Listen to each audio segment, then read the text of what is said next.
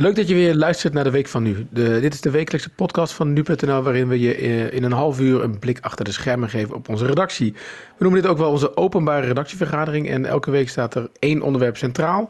Mijn naam is Gert-Jaap Hoekman, ik ben de hoofdredacteur van Nu.nl en laten we beginnen.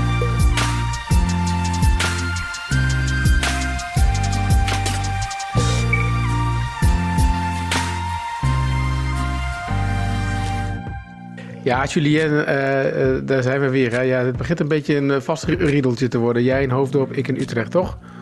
Ja, bij jou blijft het haar eigenlijk wel gewoon net zo kort. En bij mij wordt het steeds langer. Dat is het enige verschil. ja, maar je baard niet. Nee, die probeer ik wel bij te houden. Dat is goed te doen, maar het eh, knippen, daar ben ik nog niet zelf aan begonnen. Nee, nee, nee. Nou, hier is het uh, inmiddels uh, ook meivakantie. Dus dat betekent dat we onze kinderen, die normaal gesproken natuurlijk altijd enorm moeilijk werk aan het doen zijn tijdens het opnemen van de podcast, die zijn nu vrij. Dus mijn dochter die sneakt hier nu de, de kamer binnen. Dat was natuurlijk niet, niet de bedoeling, maar goed, we, we, we, doen wat we, we doen wat we kunnen. Nou, dat is Kate. Hallo Kate. Doeg Kate. um, Julia, nee, wij gaan het uh, over serieuze zaken hebben, zoals eigenlijk altijd. Deze podcast, als je dit voor het eerst luistert, wij vinden het leuk om je uh, te vertellen wat, ja, hoe wij ons werk eigenlijk doen en wat er uh, allemaal bij komt kijken bij het werken voor nu.nl. Welke, welke discussies uh, en, en ja, gedachten er allemaal achter zitten. deze week gaan we dat doen um, met ons onvolprezen duo Stennen, zoals we ze ook wel noemen. Dat is bestaande uit Shannon Bakker, onze factchecker, en Stan Hulsen, onze tech-redacteur. Hallo allebei. Hallo. Hallo. En met jullie wil ik het graag hebben over 5G. En we hebben, uh, ik heb de, uh, we hebben deze naam de Week van Nu. Deze podcast natuurlijk schaamteloos gejat van de oer-podcast van Nu.nl, de Week van Nu Tech. Uh, en daar is het al wel vaker gegaan over, over 5G en alles wat daar gebeurt. Maar ik dacht, ik vind het hier ook wel interessant, omdat we het nu wat dieper kunnen hebben over um, ja, eigenlijk over het, over, over, ook over nepnieuws en over hoe je dat checkt en wat, de, en wat de, ja, de impact daarvan uh, van is. Um, want misschien, uh, Stan, kunnen, kunnen we eerst even beginnen bij jou. Kun jij misschien een beetje kort schetsen wat er aan de hand is in de wereld van 5G?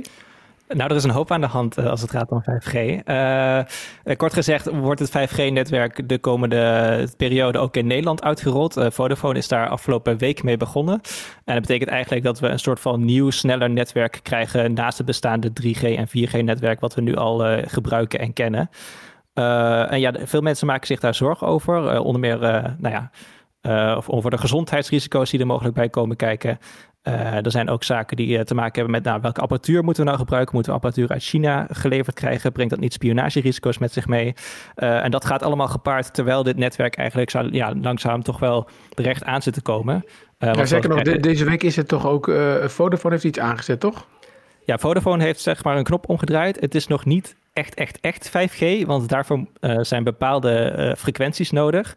Uh, je kan je voorstellen, een mobiel netwerk werkt natuurlijk op verschillende frequentiebanden. En er zijn er drie die zijn specifiek aangewezen voor 5G. Dus als je daar 5G op gebruikt of daar mobiele communicatie op doet, dan gaat het echt super, super, super snel.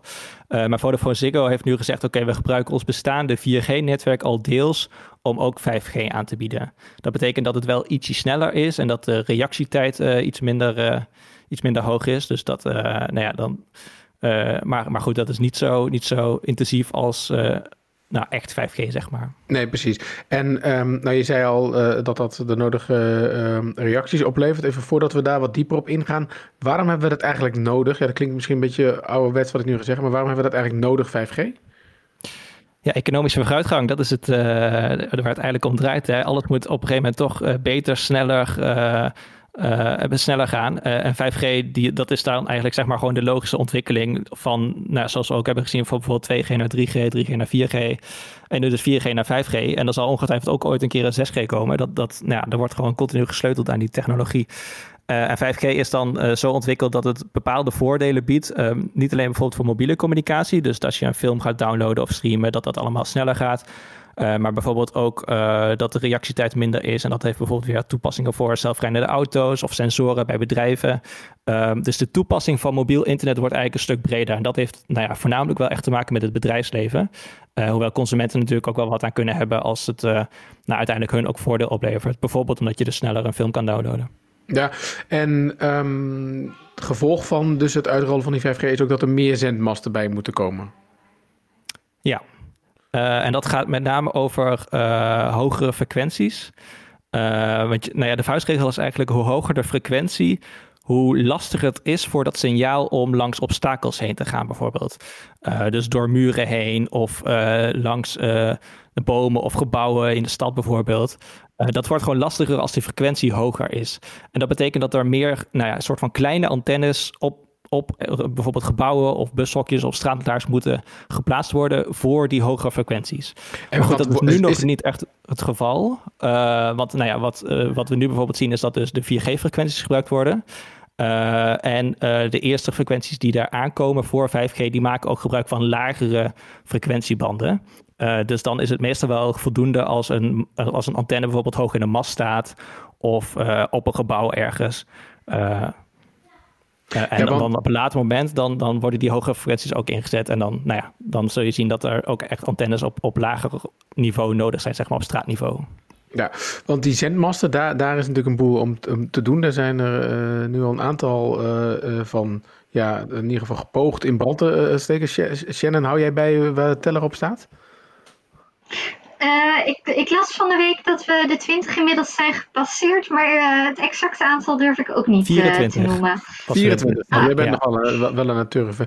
En die 24 gevallen, wat ik me zo afvroeg, hè, want dat zijn, ik heb wel een paar video's ook, hebben we daar wel van gezien, hè, dat zijn op zich relatief kleine brandjes, lijkt het nog. Hoe, um, hoe, um, ja, hoe wordt daarover gecommuniceerd? Zeg maar? Hoe zien wij dat er ergens een brand is geweest? meestal communiceert de politie dat gewoon toch dan?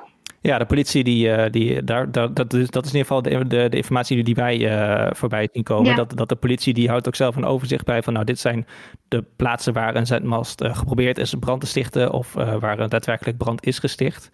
Uh, dus dat is ook waar wij meestal de informatie dan vandaan halen. Naast bijvoorbeeld bronnen als uh, Twitter of iets dergelijks. Ja, precies. Maar omdat het zeg maar, dus dat geeft eigenlijk wel aan dat het voor de politie ook wel een grote, grote zaak is. Want op zich, normaal gesproken, dit soort kleine brandjes, uh, daar communiceer je dan niet over. Hier ligt het natuurlijk wat, wat gevoeliger.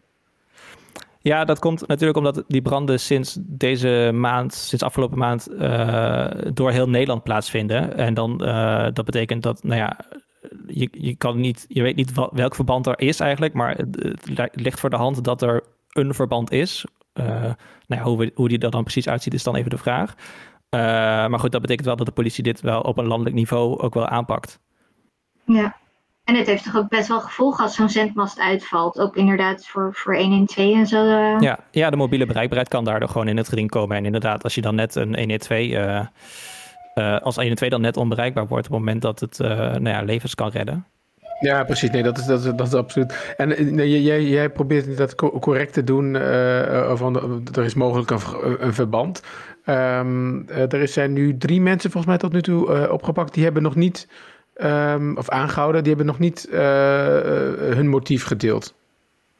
Nee, of het motief is, is nog onduidelijk. En ja, daarom zeg ik ook, ik probeer een beetje voorzichtig te zijn met uh, hoe, hoe we dit verwoorden. Uh, omdat we gewoon nog niet weten nou ja, in welke mate bijvoorbeeld die branden verband met elkaar houden, als dat dan daadwerkelijk zo is. Uh, het kan bijvoorbeeld sprake zijn van kopieergedrag of een gecoördineerde actie of, nou, of nou, maar je, je zou zeg maar ook in theorie niet kunnen uitsluiten dat uh, iemand het nieuws helemaal niet volgt en op eigen houtje zeg maar gewoon ook uh, nummer 6 of 7 in de fik steekt. Ja, nou ik hoorde um, volgens mij daar iets over ook van, van de week dat er ook een, een, een of andere challenge zou zijn of zo om zendmast in brand te steken. Maar dat, uh, de, heb je dat ook gehoord?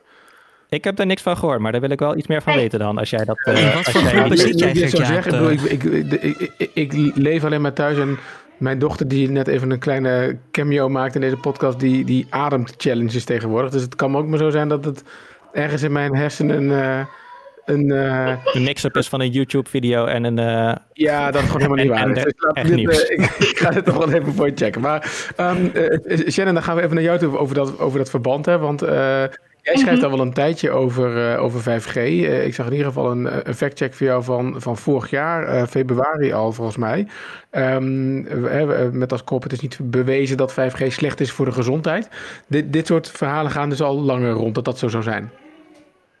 Ja, klopt. Echt al wel geruime tijd. Toen bijvoorbeeld in 2018 uh, wat vogels in Den Haag uh, uit de bomen vielen, werd al door uh, 5G-activisten gezegd dat komt door 5G-testen. Nou, daar was op dat moment helemaal geen 5G-test. Ehm, dus dit, dit speelt echt al wel, nou ja, zover ik kan nagaan, sinds dat er wordt gesproken over het invoeren van het 5G-netwerk, zijn er ook mensen die protesteren en die bang zijn dat ze daar uh, ziek van gaan worden. En, en, is dat los te zien van zeg maar, überhaupt de, de kritiek en sceptisch die er is rond stralingen? Zeg maar, is, dit, zeg maar, is dit meer van oké, nu komt er nog meer van hetzelfde of gaat het ook echt specifiek over 5G dan? Nou ja, 5G wordt nu heel vaak inderdaad specifiek genoemd. Um, maar wat je ziet, ook als je het gaat kijken wat het nou eigenlijk, eigenlijk is, is, is dat 5G in principe niet heel veel anders is qua verwachte gezondheidseffecten dan eerdere netwerken, dan 4G of 3G. Uh, en dat zie je ook wel inderdaad bij sommige mensen die er tegen protesteren. Die zijn vooral, die zeggen nu bijvoorbeeld al stralingsgevoelig te zijn of zeggen last te hebben uh, van straling. En die zijn dan inderdaad bang dat dat erger wordt. En, en wat is dan, um, uh, zeg maar, wat is het risico van de straling? Nou ja, voor zover wij weten is zolang je onder de blootstellingslimieten zij, blijft, en dat is gewoon vastgesteld uh, en dat is in Nederland zo, zijn er helemaal geen aanwijzingen dat het slecht voor je gezondheid is. Zeker bij uh, straks 5G, als dat op die hogere frequenties uh, gaat werken, die straling kan eigenlijk helemaal niet door je huid heen komen. Nee, want daar, daar dus is een bepaalde, kan... hoe noem je dat? Um, um, nou, methode voor. Toch dat je zegt, bij zoveel straling komt het zo diep in de huid. Uh, en dat inderdaad, omdat de straling zo hoog is bij 5G, eh, of de frequentie zo hoog is, ja. komt, het, komt het eigenlijk minder ver in, in je huid, zeg maar 0,1 mm of zo, ja. klopt dat? Ja, zou, ja, ja, het komt niet door je huid heen, hmm. laten we het zo zeggen. Ja. Dus het kan niet naar je organen gaan of, of dat soort dingen. Nee. Uh, en zelfs dan, um, we weten alleen als je dus over die blootstellingslimieten heen gaat, wat dus in Nederland niet gebeurt, dan uh, kun je cellen ietsjes opwarmen, wat eventueel uh, negatieve gevolgen heeft. Maar dat is echt het enige waar we nu uh, bewijs van hebben. En daar hoef je je in Nederland, als je gewoon rondloopt of in, in je huis bent, geen zorgen over te maken. En dan is het daarnaast, dus dan hebben we te maken met dus mensen over stralingsgevoeligheid en, en, en 5G, maar ook nog mensen die dat weer koppelen aan, aan corona. Ja. Dus dat wordt trouwens wel, laten we eventjes wel gezegd hebben. Um, uh, Julien, dat dit het, het langst heeft geduurd dat ik het woord corona heb ge, genoemd in deze podcast so far. dat is zeker waar. Uh, laten we hem even noteren voor de boeken. Ja, maar goed. Nee, klopt. Je ziet um, eigenlijk al best wel een tijdje, redelijk sinds dat de uitbraak uh, was in januari, februari, um, al dat op sommige wat alternatieve websites en dergelijke uh, 5G wordt gekoppeld aan het coronavirus. Er zijn een soort van twee, uh, laat ik alvast benadrukken, niet kloppende theorieën. Uh, waarbij de ene zegt, uh, heel dat corona, dat bestaat niet. Dat is alleen uitgevonden om ehm, ziektes die worden veroorzaakt door de uitrol van 5G te maskeren. Ja, dat is onzin. En daarnaast is er ook de theorie dat door uh, 5G je immuunsysteem slechter zou werken. en dat je daarom eerder uh, het last zou krijgen van de gevolgen van het coronavirus. Ja, en, en er was geloof ik bewijsmateriaal daarvan, onder andere dat, dat uh, het 5G-netwerk als eerste geloof ik, of in ieder geval vrij snel zou zijn uitgerold in Wuhan. Waar, wat natuurlijk het begin was van de uitbraak van, uh, van, van het coronavirus. Wat weet je daarvan? Nou ja, het, dat klopt inderdaad dat het in Wuhan is uitgerold. Maar het is bijvoorbeeld ook in Beijing uitgerold, waar het coronavirus niet is ontstaan. en nog op een ander enkele andere plekken in China. En bovendien zien we ook echt grote coronavirus-uitbraken in landen waar er nog helemaal geen 5G-uitrol is. Bijvoorbeeld uh, Iran was daar een heel duidelijk voorbeeld van. Ja, en dergelijk verband. Het klopt dat er in uh, Wuhan met 5G wordt getest, maar het is niet zo dat alleen plekken met 5G last hebben van het coronavirus. Hoe weet jij, hoe weet jij dit allemaal zo zeker, als ik, dat, als ik dit zo mag vragen, uh, nou ja, dit is inderdaad vooral veel lezen en um, veel andere factcheckers. Dit is niet iets, een complottheorie die alleen in Nederland speelt. Uh, dus heel veel factcheckers zijn hiermee bezig. En dus kan je inderdaad oude krantenartikelen nagaan waaruit blijkt dat inderdaad uh, 5G is uitgerold in Wuhan. En dat inderdaad in Iran dat niet zo is. Uh, dus je gaat ook vooral terug naar wat is er gebeurd voor de coronavirusuitbraak en wat is er toen over bericht. Uh, en daar kan je al een heel eind mee komen. En inderdaad, vooral ook echt met hulp van, van alle factcheckers wereldwijd. Uh, die ook met dit onderwerp Ja, maar dat is echt een netwerk hè, van, van, van, van met partijen die samenwerken en die, die ook ja, elkaar helpen wat dat betreft. Ja, ja, en dat, dat hebben we eerder eigenlijk al met 5G gedaan. Inderdaad, het verhaal over Den Haag en de vogels. Uh, dat, daar heb ik bijvoorbeeld Deense collega's alles mee geholpen. Dus we, zijn, ja, we houden daarin wel contact. Ja, en dan überhaupt, hè, dus uh, het feit dat 5G slecht voor je is, daar heb jij natuurlijk, wat ik al zei, vorig jaar ook al een stuk over geschreven. Mhm. En dan raadpleeg je ook, ook nou ja, toxicologen en andere deskundigen, toch, die op dit vlak het nodige, bewezen, nodige staat van dienst hebben. Ja, klopt. En waar vooral wetenschappers heel fijn in zijn, is dat zij kunnen inschatten welke onderzoeken in hun veld waardevol zijn en welke je wat minder serieus moet nemen. En ook kunnen uitleggen waarom uh, dat zo is. Dus die, dat is heel fijn uh, dat die inderdaad tijd maken om ook uh, met mij dat bespreken en uit te leggen. Ja, en, eh, en over um, ja, zeg maar internationale uh, bronnen gesproken. Ik bedoel, er is ook een, een, een, Vlaamse arts die wel een bepaalde rol speelt in, dit, in deze theorie, toch? Ja, klopt. Uh, volgens mij was dat al in januari uh, dat uh, de lokale editie van het laatste nieuws, ehm, dus een Vlaamse krant. Collega's tegenwoordig. Stukje, ja, uh, een stukje publiceerde met een, lokale huisarts die protesteerde tegen 5G en die uh, suggereerde van ik heb er geen bewijs voor, maar misschien heb het er wat mee te maken. Uh, het laatste nieuws heeft zelf dat artikel uiteindelijk verwijderd en gezegd dat het niet aan hun kwaliteitsstandaarden voldeed. Maar dat verhinderde niet dat dat, dat stuk natuurlijk in verschillende Facebookgroepen van anti-5G-aanhangers verspreid is. Ja, Um, dus jij, hè, we, we, hebben geconstateerd dat er al lang over gesproken wordt. Dat jij hier ook al geruime tijd uh, factchecks over geschreven hebt. We moeten ook nog inderdaad standen bij zeggen dat dat niet aangetoond is dat er een verband is tussen de, tussen de brandstichtingen en, uh, en dit. Maar, maar goed, je merkt wel dat in ieder geval deze theorieën nog wel steeds rondgaan. Voel jij je, Shannon, als verslaggever of als journalist daar ook verantwoordelijk voor dan? Voor, voor het rondgaan van die theorieën? Of eh, dat... Ja, het feit dat je niet bij machten bent om ze te ontkrachten? Hmm. Lastige vraag. Um, nou ja, het is soms wel eens frustrerend.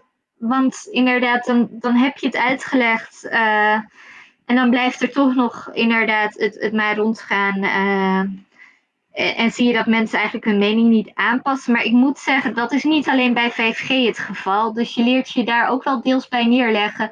Dat je hoopt dat je een gedeelte van de mensen in ieder geval wat meer informeert. Dat de mensen die twijfelen goede informatie kunnen vinden.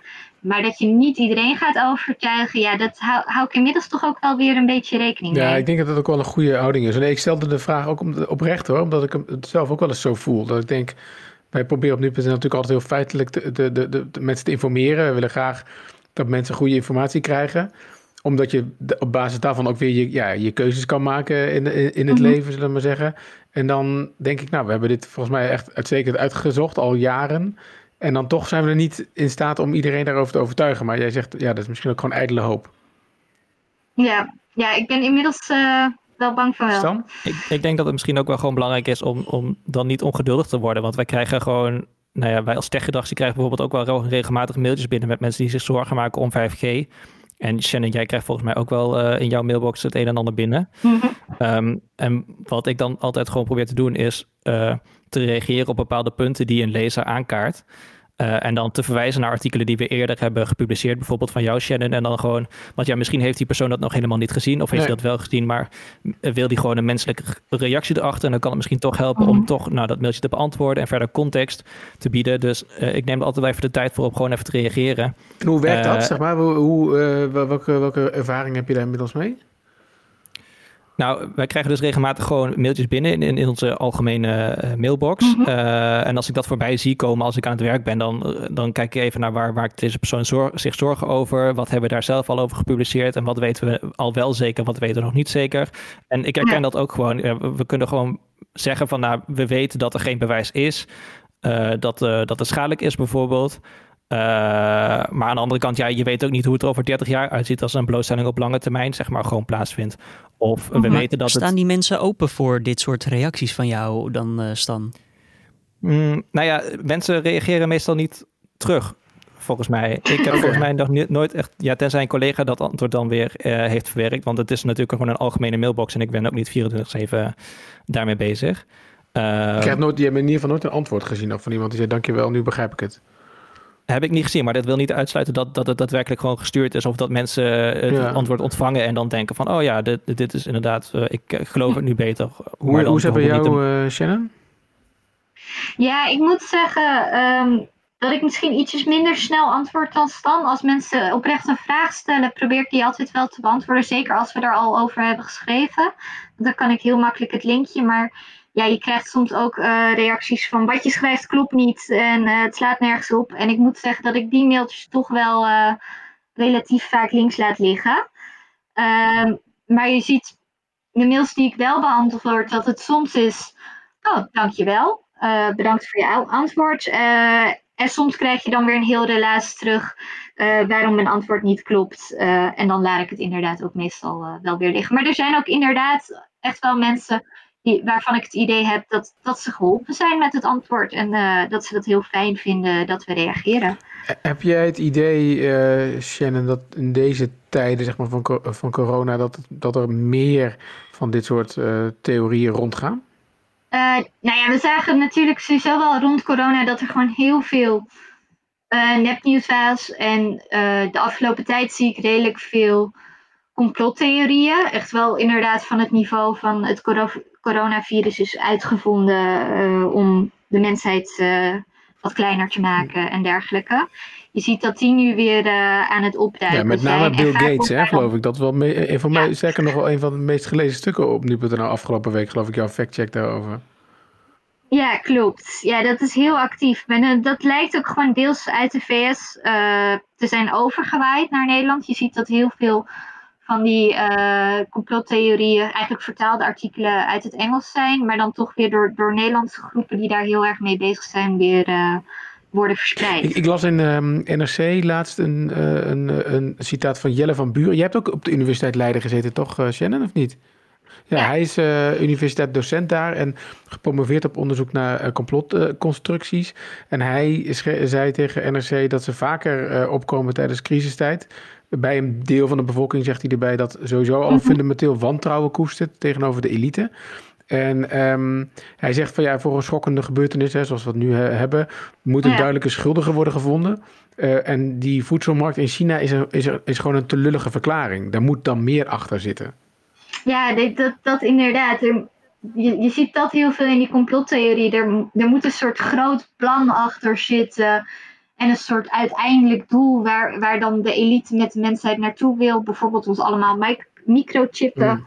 Om ons onder controle te krijgen. En uh, ja, dat zie je inderdaad, wat hij zegt, zie je wel echt terug in de complottheorie die je nu ziet opduiken. Ja. Heeft dat te maken met dat mensen op zoek zijn naar patronen of een soort structuur in datgene wat eigenlijk gewoon puur willekeurig is?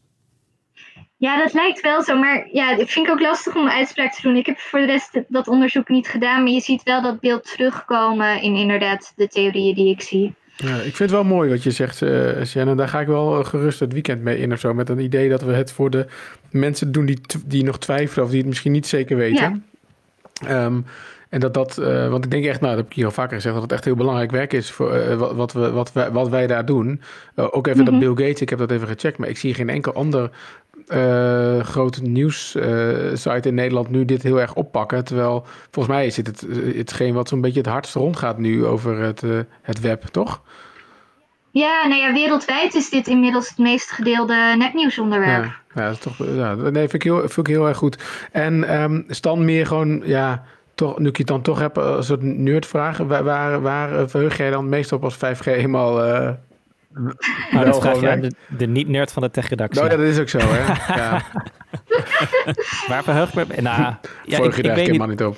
Nou, wat ik dus... Uh, Vodafone heeft dus zeg maar een soort van knop omgezet. Dus we hebben nou 4G of uh, eh, 5G Lite. En dat is dan een paar 10% sneller of iets dergelijks uh, dan, uh, dan 5G. Maar ik vraag me dan af wat daar dan nu zeg maar het voordeel van is. En ook wat het voordeel gaat zijn voor mij als, als 5G er daadwerkelijk is. Uh, want ja, als ik nu een film ga streamen of ga downloaden, dan komt die wat mij betreft op 4G ook wel redelijk snel binnen. Dan, dan ben ik niet, uh, zit ik niet uh, vijf minuten te mopperen van nou wat duurt het lang. Nee, want ik las dat ook volgens mij in een van onze uitlegstukken over 5G, dat het gemiddeld dat de downloadsnelheid van 4G gemiddeld iets in de, in de 50 megabit per seconde zou zijn. Nou weet ik niet precies wat, welke wind er vandaag waait, maar ik heb nu 270 um, mbit per seconde op 4G. Dus um, uh, dat is misschien een kwestie van dat niet heel veel mensen dat gebruiken. Hou jij het gemiddelde omhoog? Ja, misschien wel. Maar, maar eh, dat ik ook dacht van ja, zoveel is het nou ook weer niet. Volgens mij is het, is ons, is, is het nou in ieder geval het eerste wereldprobleem wat, we, wat de meeste van ons nu ervaren, is gewoon dat wifi gewoon een, een beperkte manier is van thuis draadloos internet, toch? Ja, en misschien gaat 5G daar wel verandering in brengen hoor. Dat, dat mensen veel liever gewoon 5G gaan gebruiken dan wifi als dat, uh, als dat aangeboden wordt door providers. Ja. Uh, maar wat ik zei, ik denk dat de winst vooral, zoals ik in het begin zei, ligt bij uh, economische, dus bedrijfsbelangen, zeg maar. Dat die door 5G een echte boost gaan krijgen. En door voor consumenten, dus voor jou en mij, echt voor nou ja, echt een soort van praktische toepassingen die nou ja, wel wat gemak of, of tijdswinst opleveren. Als bijvoorbeeld sneller een film downloaden. Of als je games gaat streamen, wat eraan zit te komen. Dat, nou ja, dat vergt natuurlijk veel, veel, veel van, van je netwerk. Nou, als het dan fijn is dat je alles snel, snel binnenkrijgt. En dat als je op een knop drukt, dat je daadwerkelijk ook een tegenstander neerschiet. Mm. Ik kan me voorstellen dat, dat daar wel voor veel mensen waarde in zit. Ja, nou hartstikke bedankt duo Stennen voor dit. Um, uh, we, gaan het, ja, we blijven dit, eh, dit uh, volgens mij volgen. En ik ben ook wel heel erg nieuwsgierig um, ja, of de drie die nu zijn aangehouden ook uiteindelijk hun, hun, hun, hun, theo, ja, hun uh, motief gaan, gaan delen. Want ik ben heel erg, wel heel erg nieuwsgierig wat daar precies achter zit. Um, Julien, hebben wij nog ouderwetse post gekregen deze week?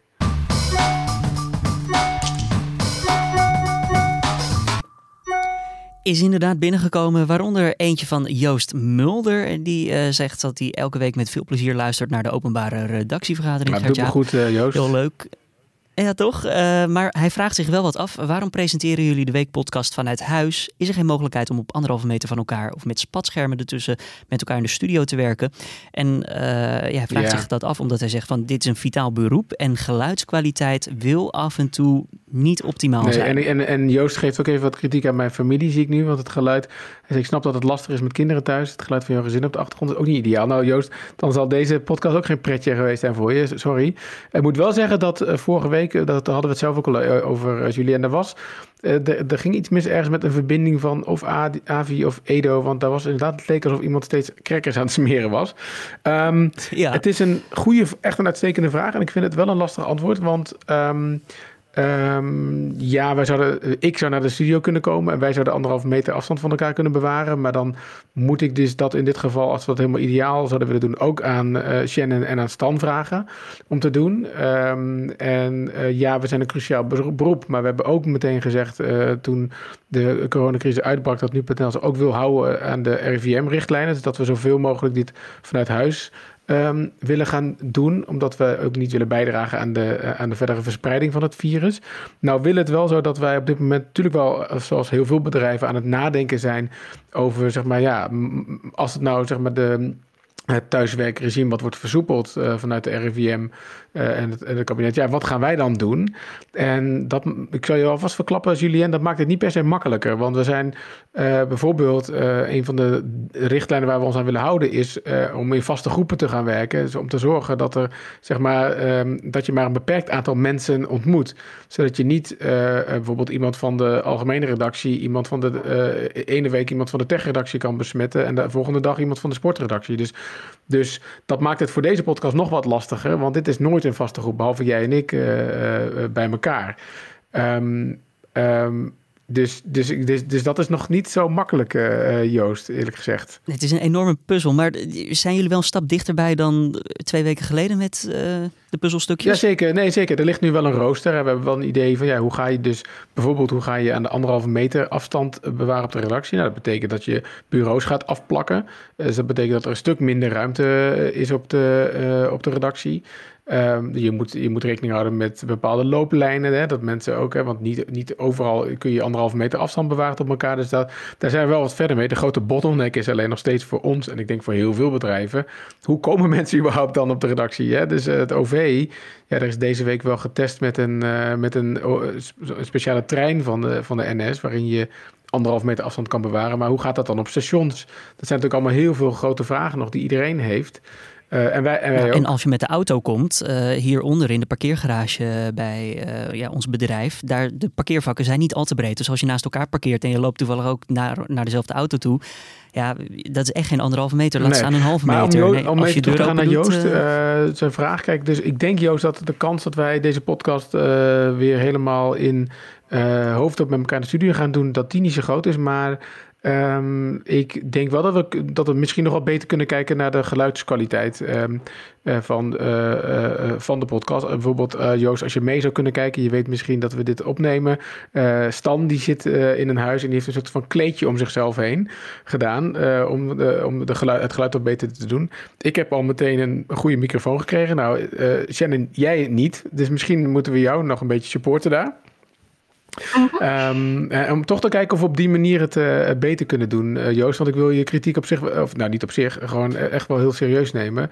Ik vond het in ieder geval vorige week ook um, um, pittig. Goed nieuws. Wat betreft mijn gezin, Joost, die gaan na de meivakantie in ieder geval weer twee dagen naar school. Het slechte nieuws is alleen dat ze geloof ik niet op vrijdag gaan. Dus dat, dat, dat en dan nemen we net deze podcast op. Dus ik ga nog eens even met de school overleggen of dat misschien nog anders kan. Ik hoop in ieder geval dat je vraag is beantwoord, Joost. En uh, nou ja, misschien niet helemaal naar je, uh, um, naar je zin, maar weet in ieder geval dat we er wel echt zoveel mogelijk uh, aan doen. En ik hoop ook dat we je iets beter hebben kunnen uitleggen waarom we doen wat we doen. Um, nog eentje. Yes, Mark ten Haken die heeft gemaild. Allereerst bedankt voor de fijne podcast elke dag. En ik heb een vraag over de coronacijfers die jullie dagelijks publiceren. Er wordt namelijk niet genoemd hoeveel mensen er genezen in de afgelopen 24 uur. Waarom publiceren jullie dit niet? Houdt het RIVM dit niet bij? Of zit er een, wellicht een andere reden achter? Mm -hmm. Hier heb ik toevallig een stukje nou, over Nou, dat hoopte ik al, Shannon. Nee, um, dat is eigenlijk al sinds de, het begin van de coronavirus-uitbraak uh, iets wat we zelf ook graag zouden willen weten. Alleen als jij beter bent, echt, dan hoef jij niet het RIVM of de lokale GGD te bellen dat je weer beter bent. En ook als je wordt ontslagen uit het ziekenhuis, wordt dat voor het ziekenhuis wel bijgehouden. Maar er is dus geen centrale registratie van het aantal mensen dat genezen is van het coronavirus. Ook het RIVM weet dat nu niet, omdat ze dat niet bijhouden. Dus dat cijfer kunnen we helaas uh, ook niet in onze dagelijkse update geven, omdat het er gewoon niet is. Zou je wat hebben aan dat cijfer, denk je, Shannon, als RIVM zijnde, uh, los van dat het natuurlijk interessant is om te weten? Weet ik niet. Um, nee, dat durf ik niet te zeggen wat, wat zij daar dan mee zouden kunnen. Misschien is het een goed idee, uh, uh, Julien, om even dat stuk uh, van Shannon door te sturen naar, naar Mark. Want ik, dat, ik, zag hem ook, want het is een, een, vraag die op zich inderdaad vaker terugkomt. En ook wel mensen hebben denk ik ook wel, ik weet niet of dat bij Mark ook zo, zo is hoor, maar behoefte aan wat, wat, wat goed nieuws dan of zo op dat vlak. Alleen het, ja, het, het zegt gewoon niets. en dus de, dat, dat is de reden waarom we het niet doen. Ja, Shannon, voor anderen die luisteren, uh, hoe heet het stuk? Zodat iedereen het ook nog zelf kan opzoeken, weet je dat? Volgens mij heeft... Uh, ja, sorry, ik, had hem, ik heb hem weer. Het stuk heet Waarom onduidelijk is hoeveel Nederlandse coronapatiënten... En toen moest ik even laden. Uh, ja, het stuk heet Waarom onduidelijk is hoeveel Nederlandse coronapatiënten genezen zijn. Dat is een artikel wat jij op 24 maart hebt uh, geschreven. En daarin ga je uitvoerig in op al dat soort uh, dingen. Dus um, lees dat als je daar een. en als je dan nog vragen hebt, dan kan je ons mailen op podcast.nu.nl. wij reageren alleen als je belooft dat je ook weer reageert op ons. Toch, Julien? dat is ook niet waar. nee, dat is het is een deal die we bij deze maken. Yes. Nou, we gaan afronden voor, uh, voor deze week alweer. Um, uh, nou, nogmaals, Stan, Shannon, hartstikke bedankt. Julien, jij ook weer bedankt daar in Hoofddorp. Nou, jij bedankt uh, Gert-Jaap dat je weer even een uh, uurtje vrij hebt kunnen Mag maken. Mag ik dan nog uh, um, één gadget tip doen? Ik heb iets gekocht, jongens. Echt. Ja, ik moet wel zeggen dat ik, ik heb misschien wel eens vaker gezegd dat Instagram is voor mij een soort telcel. Dus je hoeft dan maar iets te laten zien wat er vet uitziet en uh, dan koop ik het. Gisteren uh, was voor mij op Twitter, stuurde onze collega Rutger ook een filmpje door van een soort apparaatje waarmee je vormpjes om moeilijke hoekjes, weet je, als je dan, als je, als je bezig bent met laminaat leggen, dan heb je toch altijd die hoekjes die zo moeilijk zijn. Nou, daar heb je dan een soort apparaat voor, die dan met zo'n rubber een mal maakt waar je heel makkelijk kan snijden. Nou, super vet. Ik, ik koop dat soort dingen gewoon allemaal. Maar wat ik dus uh, gekocht heb uh, van de week, ik ga hem even laten zien op de webcam, is een stuk papier. Dat is een notitieboek, maar met één verschil Stan, want ik zie je al denken van wat luister ik in godsnaam naar. Dit is gemaakt van steenpapier. En met een speciale pen kan je dat, als je het dus nat maakt, kan je het allemaal weer uitvegen en dan kan je weer opnieuw opschrijven. Wat is steenpapier? Ja, dat is papier gemaakt van steen. Papier gemaakt van steen. Maar heb je dan ja. maar één bladzijde? Nee, je hebt een heel boekje. En dan, uh, en dan kun je dus allemaal dingen uitgummen weer. Als je dat, uh, uh, zonder dat je dat... Ja, oké, okay, daar kun je ook een gum voor kopen. Dat snap ik. Ja, maar dit is wel je bent echt ingetrapt. ik vind het heel vet. Goed, dan wilde ik deze podcast wilde ik daar graag mee afsluiten, Stan. Dus ja, dank dat je ik daar... zou zeggen, geniet van je steenpapier. um, Steenpapier scharen, Ja, luisteraar, beste luisteraar, geniet van je weekend. Wij zijn er volgende week weer. Um, als je dit een leuke podcast vindt, zoals altijd, je kunt ons volgen op Spotify. Je kan ook op alle podcast-apps die je maar kent in de wereld kun je, uh, kun je abonneren. Dan krijg je ook elke werkdag twee keer de Dit Wordt Het Nieuws podcast um, voor je kiezen. En Klopt, en aankomende dinsdag een speciale 5 mei-uitzending met Frank van Vree, hoofd, uh, algemeen directeur van het NIOD, over de bevrijding in Nederland en ja, de terugkeer van alle gevangenen die in Europa ja, ergens opgesloten zaten, om wat voor reden dan ook, en teruggingen naar Nederland. Kijk, nou hartstikke dank ook voor die tip. Um, ik wens jullie allemaal een heel erg fijn weekend. Goed weekend. Yo. Fijn weekend.